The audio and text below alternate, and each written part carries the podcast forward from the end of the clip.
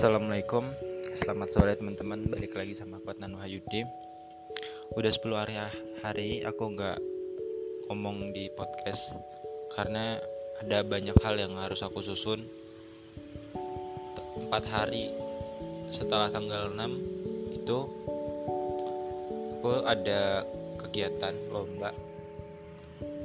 Ya itu ngerancang mulai dari timeline, kalender sampai benar-benar selesai itu kan bagianku terus mulai tanggal 10 sampai hari ini tanggal 16 itu aku merancang komunitas namanya terapi menulis.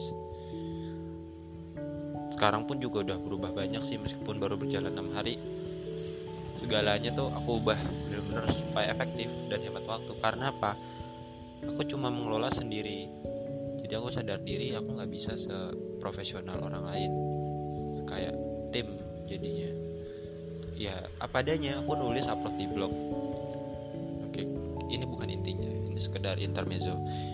Inti pembicaraan ini adalah yang akan aku sambung nanti malam insya Allah tentang inspirator dalam berkarya. Aku tuh berkarya kadang berhenti kadang terus kadang konsisten kadang enggak itu sebenarnya bisa dibilang mood juga. Banyak hal yang mempengaruhi aku berkarya. Terutama makna hidup. Aku nggak akan berkarya ketika aku nggak menemukan makna. Kenapa sih aku berkarya? Aku nggak mau berkarya dengan kosong. Dengan makna yang kosong. Ide banyak tinggal ngomong. Tapi feelnya tuh nggak ada. Rasanya tuh nggak ada lebih baik aku istirahat dulu menemukan makna lagi. Apa sih makna hidupku? Dan itu tercermin dalam jadwalku. Aku jatuh bangun dalam bangun jadwal. Kemarin baru aja kemarin aku diserang jadwal sendiri. Dan tanda kutip diserang. Aku buat jadwal tuh per jam. Jam sekian sampai jam sekian harusnya. Tapi nyatanya ada hal-hal tak terduga. Itu merusak. Kalau dalam jangka panjang itu akan sangat berbahaya. Untuk jangka pendek masih bisa aku tangani. Tapi aku udah nggak kuat. Habis maghrib aku tepar. Katanya cuma dengerin musik mikirin kehidupan ini. Ini apa ya? Tentang hidup. No apa ya? Maknanya apa? Sampai tadi tuh aku tidur jam 8 nggak biasa. Karena benar-benar capek secara pikiran. Barulah tadi jam 5 aku mulai merancang ulang kegiatanku aku udah tenang hatinya kayak aku rancang ulang kegiatanku. Uh, ada jadwalnya tuh ketika bangun tidur sampai jam 7 sama habis maghrib. Udah itu yang dijadwal. Sisanya bebas lah ada agenda apa ayo. Soal konten sekarang aku lebih sederhana aja. Kalau dulu aku aktif di berbagai sosial media sekarang aku cuma mau fokus di tiga aja. Instagram Instagram itu cuma untuk memamerkan atau mempublikasikan ini loh aku buat blog sama podcast podcast dan blogger podcast ini aku mau terusin lagi ya pribadiku. Tapi kalau blog itu aku udah bener berhenti itu udah ada 400an episode ya. Sekarang aku mau ganti blog baru blog komunitas. Itu udah ada 5 kalau nggak 4 tulisan. Dan itu aku masih utang dua sih. Karena bener-bener banyak kesibukan banyak pikiran yang mengganggu. Seperti itu balik lagi ke inspirator dalam berkarya. Siapa sih inspirasiku? Banyak sekali. Terutama orang-orang yang sangat berkesan dalam hidupku. Di situlah aku aku nggak mempermasalahkan berapa lama hubunganku dengan dia. Sekalipun cuma sebentar tapi aku dengan kreativitas dengan imajinasiku aku bisa mengolah itu jadi ide yang sangat besar dan sangat-sangat melimpah. Itu dengan baca buku juga dengan dengar omongan orang lain juga menikmati konten-konten.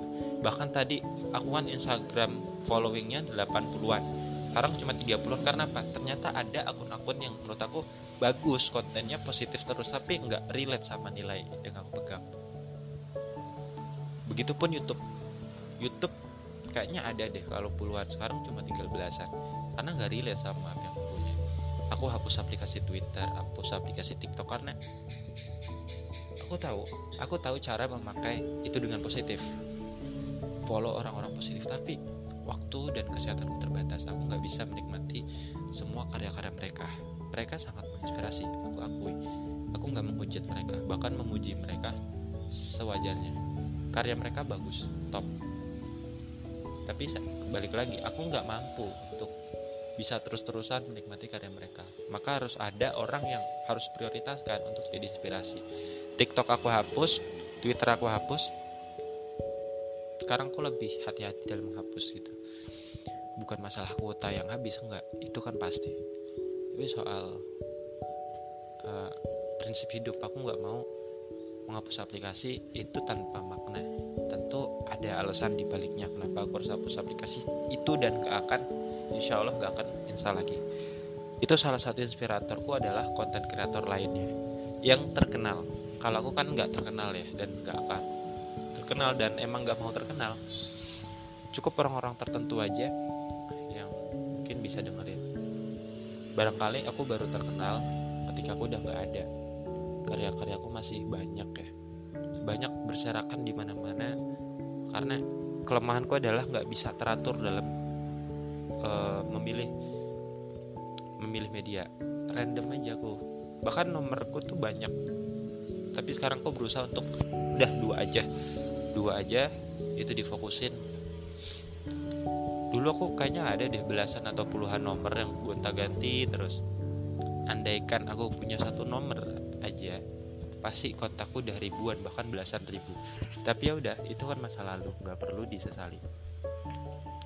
Inspirasiku makin bertambah ketika aku beranjak kuliah.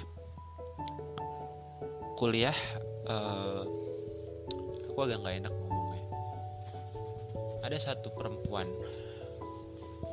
aku kenal satu spek ya. Nama samaran aja sebut aja namanya melati.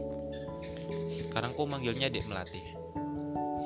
Kita udah hampir satu semester lebih nggak komunikasi.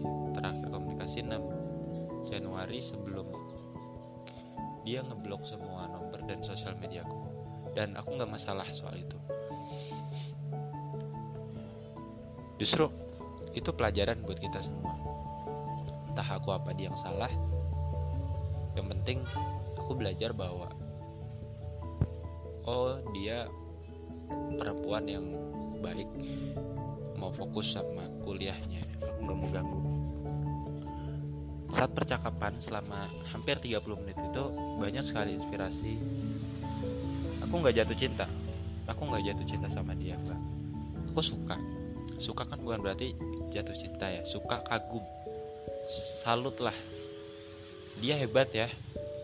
Pintar. Uh, muslimah.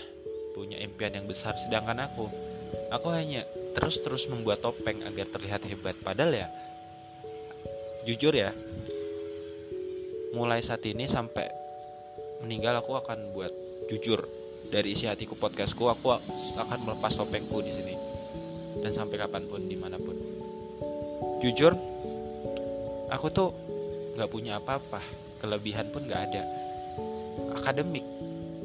Aku bisa masuk kuliah di UGM Universitas terbaik di Indonesia itu suatu keajaiban. Ajaib aneh. Aku yang nilainya di bawah rata-rata.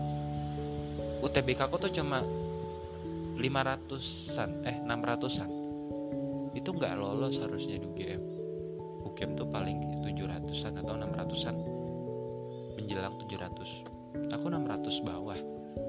600 awal. Banyak kok teman-temanku yang lebih tinggi dari aku tapi mereka tetap nggak keterima di UGM bahkan ada yang swasta negeri. Yang pendidikan it's amazing gitu buatku. Aneh. Kok bisa ya? Anak miskin kayak aku nilainya selalu jelek kalau ulangan harian di sekolah. Beneran nilaiku tuh di zona merah. Aku pernah ketika ujian tuh rankingnya paling bawah 190-an dari 200 216 apa ya waktu itu. Beneran 200an gitu. Aneh kan